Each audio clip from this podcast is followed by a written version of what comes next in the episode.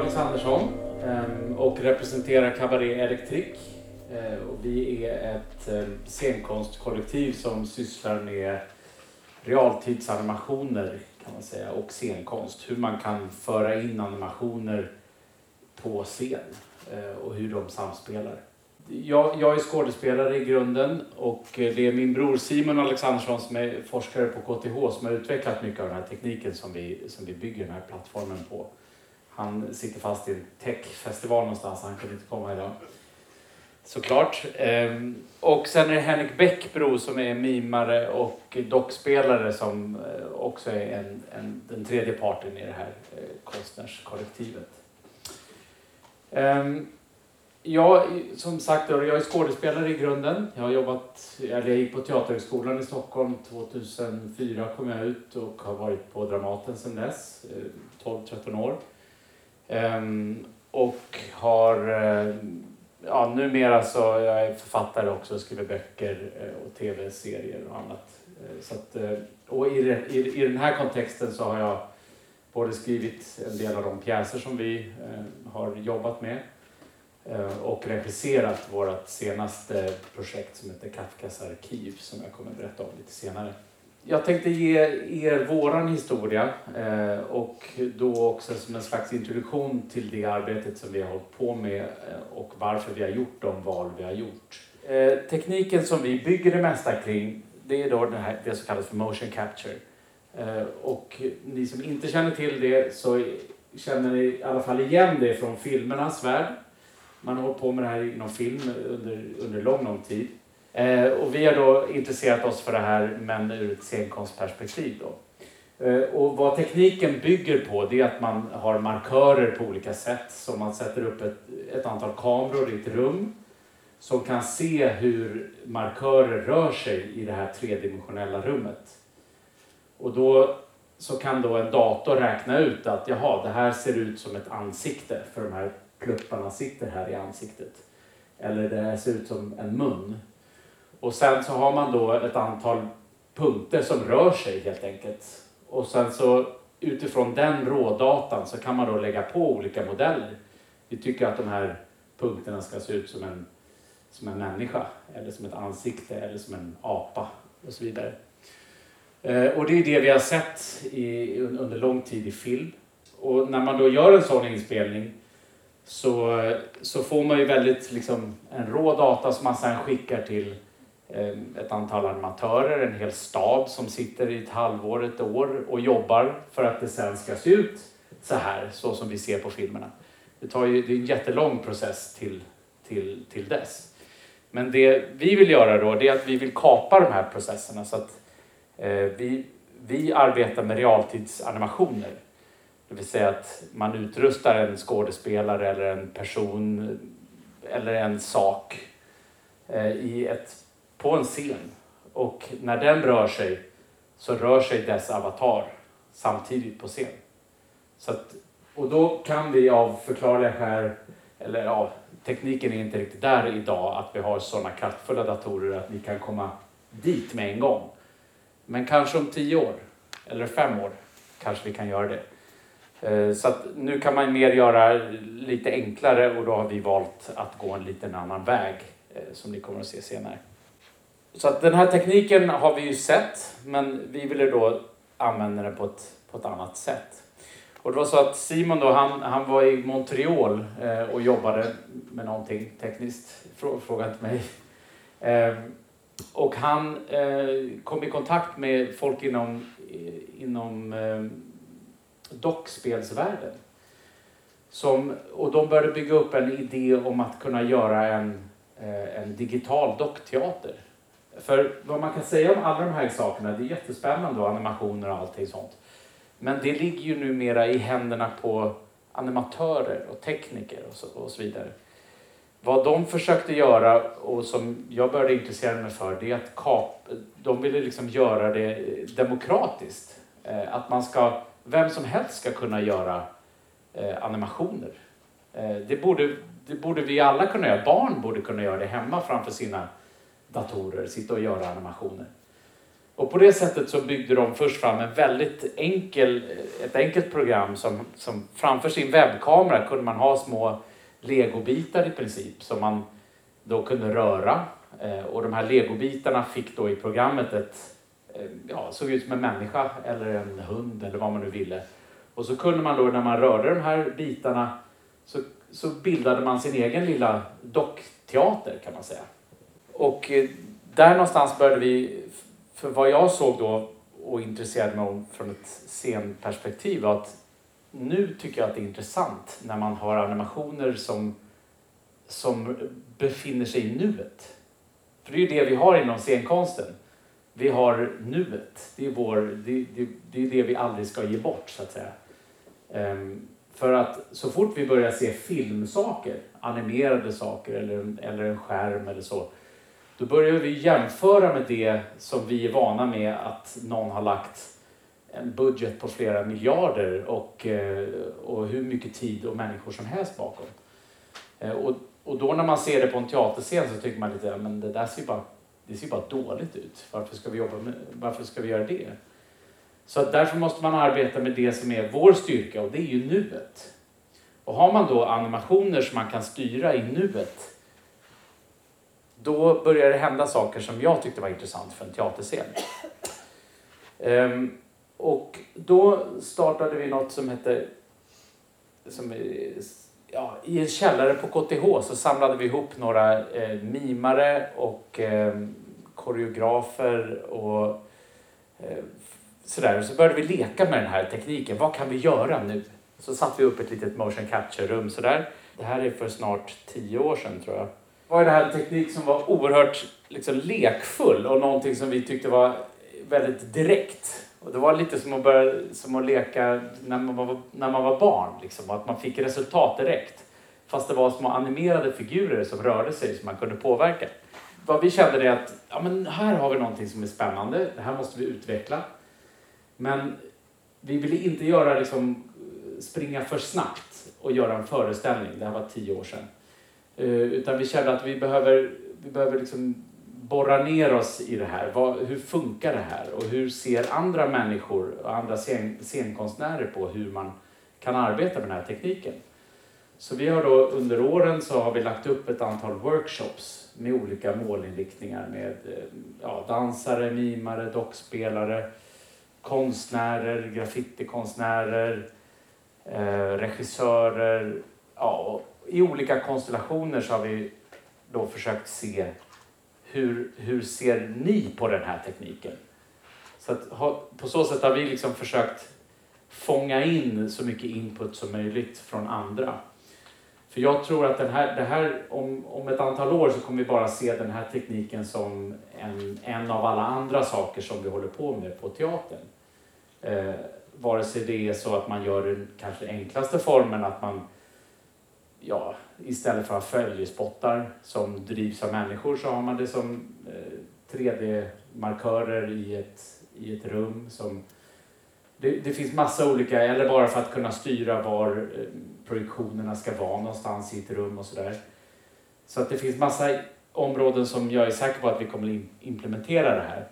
Eh, sen nästa steg då att kanske då ha digitala skådespelare och, och använda sig av det. Ja, vi får väl se hur lång tid det tar, men det kommer vi nog få se så småningom. Men det här är i alla fall en verktygslåda som finns eh, och jag tycker att det är vår det är det som vi vill jobba med helt enkelt. Hur, hur använder vi det här? Eh, hur bjuder vi in scen-Sverige eller scenvärlden till att, till att hålla på med det här? Ehm, för när det gäller just världen så kan man säga att det finns ju eh, förstås en massa folk som håller på med animationer. Som håller på med det inom scenkonsten på olika sätt.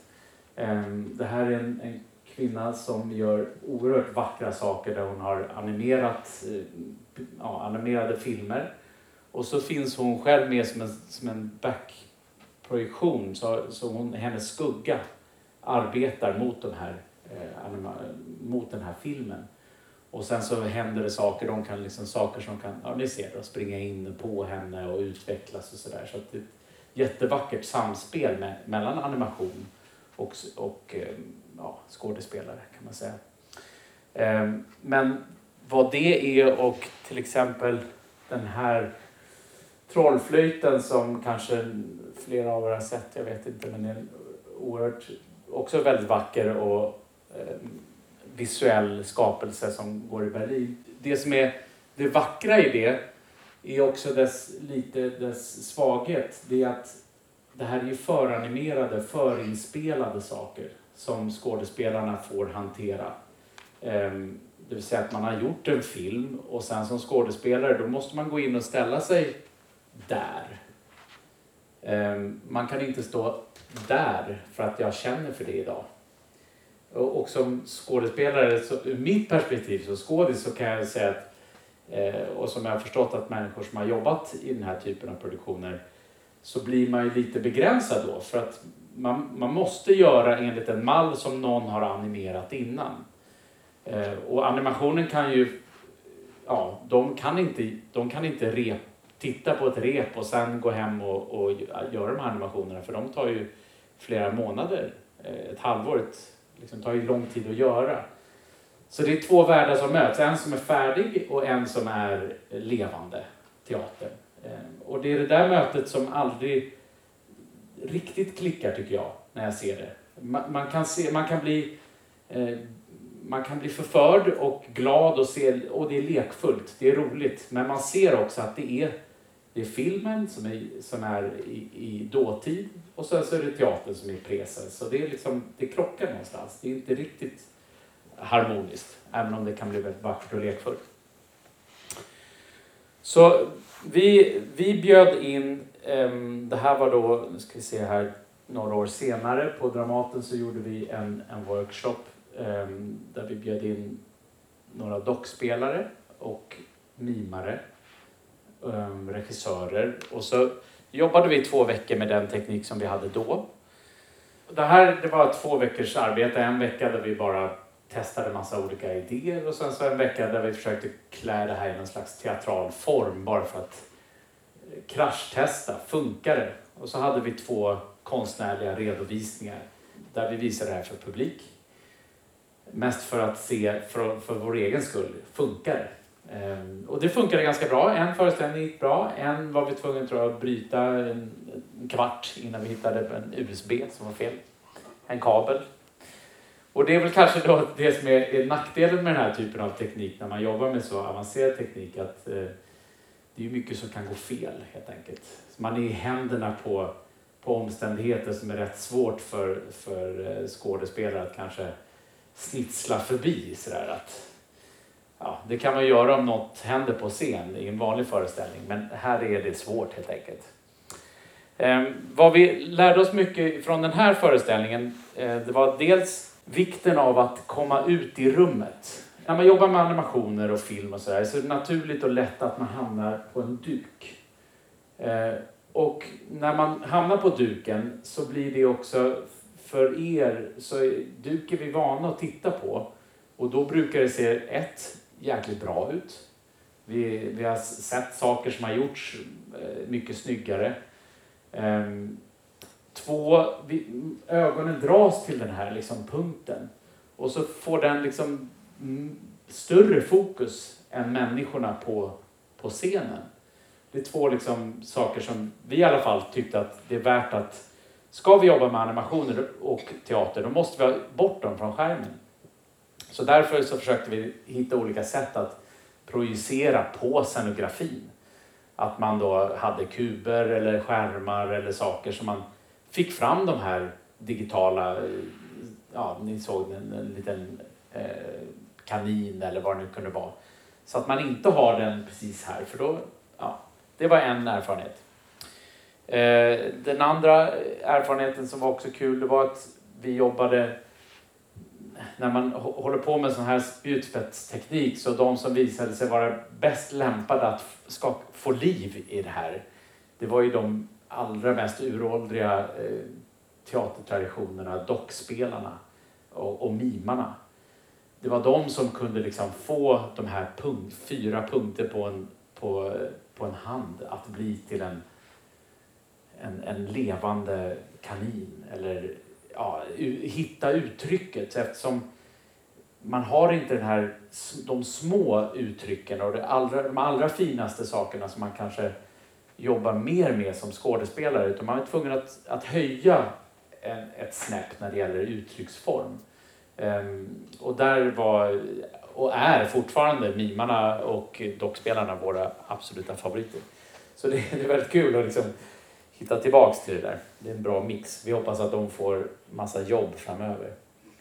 Mm. Jo, just det, en annan sak som var, som var viktig som vi kom fram till det är att man vill gärna se den personen som styr eh, en anima animation. Så att man verkligen förstår att den är levande. Eh, vi hade, I den workshopen så hade vi två rum. Vi hade ett rum som, som med kameror så här som man jobbade i och som publiken såg. Men så hade vi ett bakre rum som vi kunde jobba i som publiken inte såg. Eh, bland annat så hade vi en Linus på linjen-figur som ni säkert såg lite kort. Eh, det är den där som, ehm, som vi blev väldigt förälskade i. Men den personen hade vi då gömt, som styrde den här animationen, hade vi gömt i ett annat rum. Eh, och ja, det hade varit, skulle vi göra om det så skulle vi ta fram personen igen och visa på att aha, här står den här personen som också styr den där avataren. Eh, och visa på liksom hur man lekfullt kan eh, Ja, för, för jag som styr den här avataren, jag styrs ju av, av tredimensionella, eller vad säger jag, världsliga lagar. Jag kan inte bara flyga. Men om jag ställer en stol här och lägger mig på stolen, då kommer inte systemet se stolen, för de ser ju bara min kropp. Eh, och då kommer det se ut som att den flyger, men ni ser ju att jag bara ligger på en stol.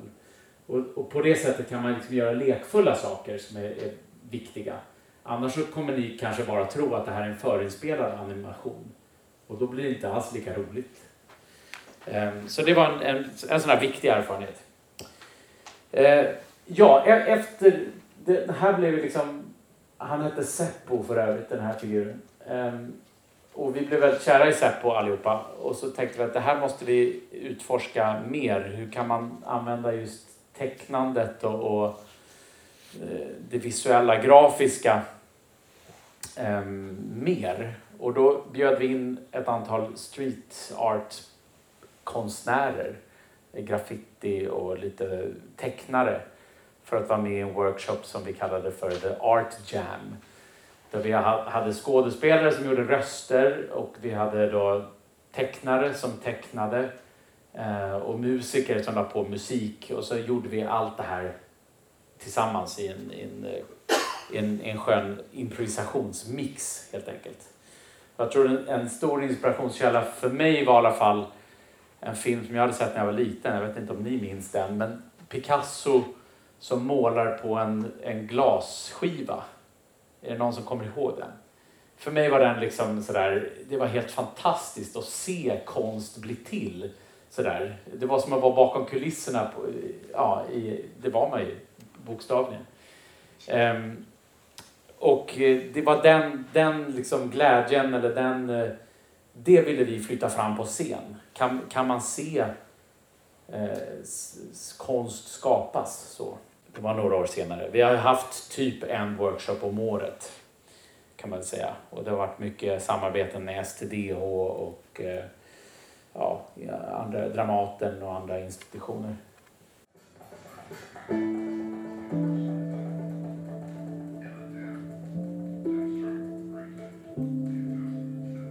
Här skapade vi med publiken så fick de berätta. Det var som en slags teatersport. Vi gjorde en serie helt enkelt som fick namn från publiken och en, en story som vi tillsammans gjorde liksom, i rummet. Och här har vi konstnärer som jobbar både på en, en whiteboard och sen så någon, en som sitter med en sån här wake-on-board och tecknar i det digitala rummet också. Sätter på färger och sånt. Great Art Jam. Det var väldigt roligt och vi, den visade vi också för publik eh, några gånger.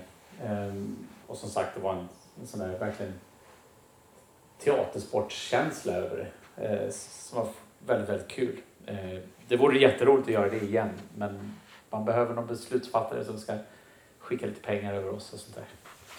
Ni vet, kanske någon här. Jag vet. Ja, eh, efter det här så tog arbetet fart lite åt olika håll. Vi har jobbat ganska mycket med, eh, med filmindustrin och gjort previsualiseringar och det, eller Simon har gjort det. Ehm, vad ska man säga? Vi hittade en massa andra fokus helt enkelt och, och, och leta vidare på. Men här någonstans började vi också känna, nu har vi jobbat med den här tekniken i kanske sex år eller någonting. Eh, så nu började vi bli sugna på att faktiskt sammanställa och göra en föreställning eh, till slut. Så att vi eh, sökte lite pengar och så startade vi en, en liten scenkonstgrupp eh, bestående av oss och eh, Marika Feinsilber som är scenograf, väldigt duktig. Och Erik Eriksson som är en konstnär och satiriker och författare vi började liksom spåna kring hur skulle en, en föreställning se ut och vad behöver vi göra och, och hur skulle sådana processer se ut. Ehm, och då kom vi fram till att vi skulle göra en, en föreställning om Kafka. Ehm, dels för att Kafka är något som alla känner till. Ehm, alla har en åsikt. Få har faktiskt läst. Någon har gjort det i, i gymnasiet men aldrig efter. Så man har liksom, det är lite som att sätta upp Hamlet, man kan göra lite vad fan man vill. Och med den här Kafka så, så har vi också haft som en uttalad ambition att Eh, vi vill komma ut i, i, inte bara kanske i Sverige utan även i världen och visa upp eh, det arbete vi håller på med. Och då är Kafka något, det är ett världskänt namn eh, och ganska tidigt så ville vi också skippa mycket ord. Så att jag skrev en pjäs utan ord på, eh, på Kafkas verk, eh, på processen och på förvandlingen och slottet. Um, och sen så tog vi fram en slags eh, arbetsprocess hur animationerna skulle bli en del av den här föreställningen. Um, och sen jobbade vi ett år och ta fram en modell eh, kring det eh, innan vi fick en stor slant pengar för att faktiskt göra det här projektet som vi gjorde i höstas i eh, reaktorhallen på KTH. En gammal urkänt eh, reaktor, kärnreaktor helt enkelt. Ni som inte har varit där måste åka dit för det är fantastiskt. Ehm, och där gjorde vi Kafkas arkiv. Utmaningen under det arbetet som blev en det blev liksom en, en riktig teaterföreställning som jag regisserade. Eh, Alejandro Bonet, vi har tre mimare och en eh, slagverkare som spelade med i föreställningen. Alejandro Bonet, Linn Bergstam och Henrik Bäckbro och Erik Nilsson.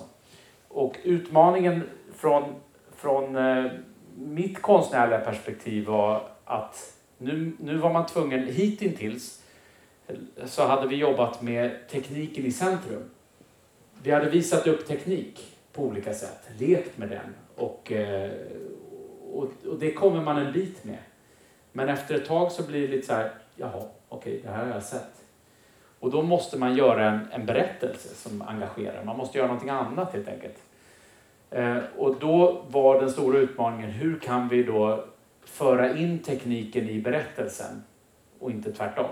Eh, och det, det var väl det att, att göra tekniken existensberättigande, om ni förstår vad jag menar. Eh, annars kan man lika gärna skita i det om det inte är så att man känner att här och nu kan, så, så är det motiverat att använda tekniken för att berätta historien. För att engagera publiken i känslor i, i, och, och andra sätt. Och det tycker jag, vi kom väldigt långt i det eh, för att vara en, en teknik som kräver väldigt mycket både resurser och tid. När man jobbar med den här typen av teknik så kan man jämställa det mycket mer som att jobba med film än, än teater. Ehm, det tar lång tid, det är ofta mycket inställningar som ska göras. Ehm, men vi ville heller inte komma i den här fällan att allt det tekniska skulle redan vara klart och sen skulle vi bara in och repetera upp det. För då är inte det tekniska en del av repetitionsarbetet. Då kan inte tekniken så att säga färgas av vår teaterprocess. Så vi var tvungna att hitta den mixen. Hur funkar det? Hur, hur eh, så att alla får utrymme. Eh, och då var vi förstås tvungna att jobba under en, under en längre period eh, och låta saker och ting, ja, det var inte förrän ett par dagar innan premiär som vi visste att ja, det här kommer att funka eller vi tar det här valet. Så. Och det hade, det hade varit svettigt nog i en vanlig föreställning men i det här blev det faktiskt extra svettigt. Eh, men det blev fem föreställningar. Eh, vi hoppas kunna ta upp den igen som det ser ut nu i reaktorhallen i höst. Så kommer vi spela en längre spelperiod i november. Ja, just det. Vi valde också att, att jobba ordlöst då med, med, med tre mimar och en slagverkare. De pratar förvisso, men inte, det är inget ordtungt. Eh, det är, det är en pjäs som bygger mer på... Dels för att jag såg mycket sådana föreställningar när jag blev intresserad av teater på mitten på 90-talet. Så fanns det, tycker jag, mycket mer eh, modig och kanske mer blandad konstformer mellan både dans och teater och mim och cirkus. Och det var liksom det var, eh, det var vanligt då att man mixade det och det berörde mig väldigt mycket. Eh, så att jag ville jobba ordlöst som regissör. Och det tycker jag går lite till kärnan av vad, vad många relationer faktiskt handlar om. Ehm, och sen så att bejaka också det visuella. Eh, att vara fast i, alltså vi kroppar, musik, att se på saker och ting. Eh, och sen då förhoppningsvis kunna komma ut i världen med det här och då, då är det bra om man inte behöver ha textmaskiner på det här. Vi använder oss delvis av en annan teknik här. Vi hade ett annat motion capture system som bygger på lite annat. Det kan vi gå in på, ni som vill fråga om det. Om vi ska bara blicka lite framåt tänker jag. Eh, jag ska visionera en, en skvätt. Så tänker jag så här att det finns... Eh, jag tror att det finns stor potential för den här tekniken. Eh, för andra som också inte bara är, är liksom nördar som vi som verkligen vill liksom, göra det här. Eh, utan för andra som kanske inte kan lika mycket utan bara plocka in det som ett verktyg. För att det kommer, och det går snabbt nu, teknikutvecklingen. Ni kan ju se på på det lilla vi gjorde liksom för tio år sedan i, i, en källare och till det som vi gör idag så, så skiljer det sig väldigt mycket både, både utseendemässigt och tekniskt. Jag tror att det kommer flytta in, som jag sa tidigare, på teatrarna på ett eller annat sätt. Eh, ni ser vad som händer när man kan liksom tracka. Det är ganska trevligt att kunna tracka eh, saker eller prylar för just eh, projektioner. Och, eh, ja, jag tror att det, vi, vi kommer se det framöver. Eh, problemet med om man vill jobba på det sätt som vi har jobbat och kanske implementera det i vanliga föreställningar och så, det är att många av institutionerna är ju, man har ju sitt sätt att arbeta. Eh, och jag som har jobbat på en institution nästan hela mitt eh, arbetsliv så vet jag hur tungrott det kan vara att försöka bara få in någonting som inte följer mallen. Det vill säga, liksom, ni vet alla de här sakerna som måste ske inom ett antal veckor och så. Um, och där tror jag att för att jag, kunna liksom bejaka den här typen av utveckling eh, och också bjuda in en ny publik till, till eh, man, om, man, om man ser bara på de barn och ungdomar som har sett delar av vårt arbete, för dem Eh, de tycker att det här är hur normalt som helst. Så här ska det ju se ut. För de är ju uppvuxna och jobbar med, med det här eller sitter framför datorer och skärmar dagligen. Det är inget konstigt för dem att någon håller på med motion capture eller med, med VR-utrustning och sådana saker. De tycker, de, tvärtom, det är ju mer så här, men de vill ju se det här. Och jag tror att det här är en chans som vi har att kunna visa det också inom scenkonsten. Titta, vi är med, vi är med i framkant och visar de här sakerna också. Vi gör inte bara det som Eh, ja, det som vi alltid har gjort, utan vi gör andra saker. Men det kräver också att man satsar både en del resurser, eh, men framförallt att man, att man satsar i, i tid och engagemang, att man ger plats. Och då behöver man ju andra processer, man behöver längre tid och säga okej, okay, men ni kan jobba med det här ett halvår kanske. För då måste man jobba kanske lite punktinsatser en vecka. Så har vi ofta jobbat, att vi har jobbat en vecka med tekniken Och sen så går alla och gör sitt. Tek teknikerna arbetar febrilt, eller teknikerna, det är min bror Simon som får göra allting själv. Medan vi andra går hem och, och tänker konstnärliga eh, andra saker. Eh, och så möts vi liksom tre veckor senare eller en månad senare och ser, okej, okay, hur ser det ut just nu? Eh, har vi kommit vidare? Men man kan inte förvänta sig att ha en, en konstnärlig, eh, ett konstnärligt arbete tillsammans med teknisk personal om de ska in i vårat sätt att jobba på scen.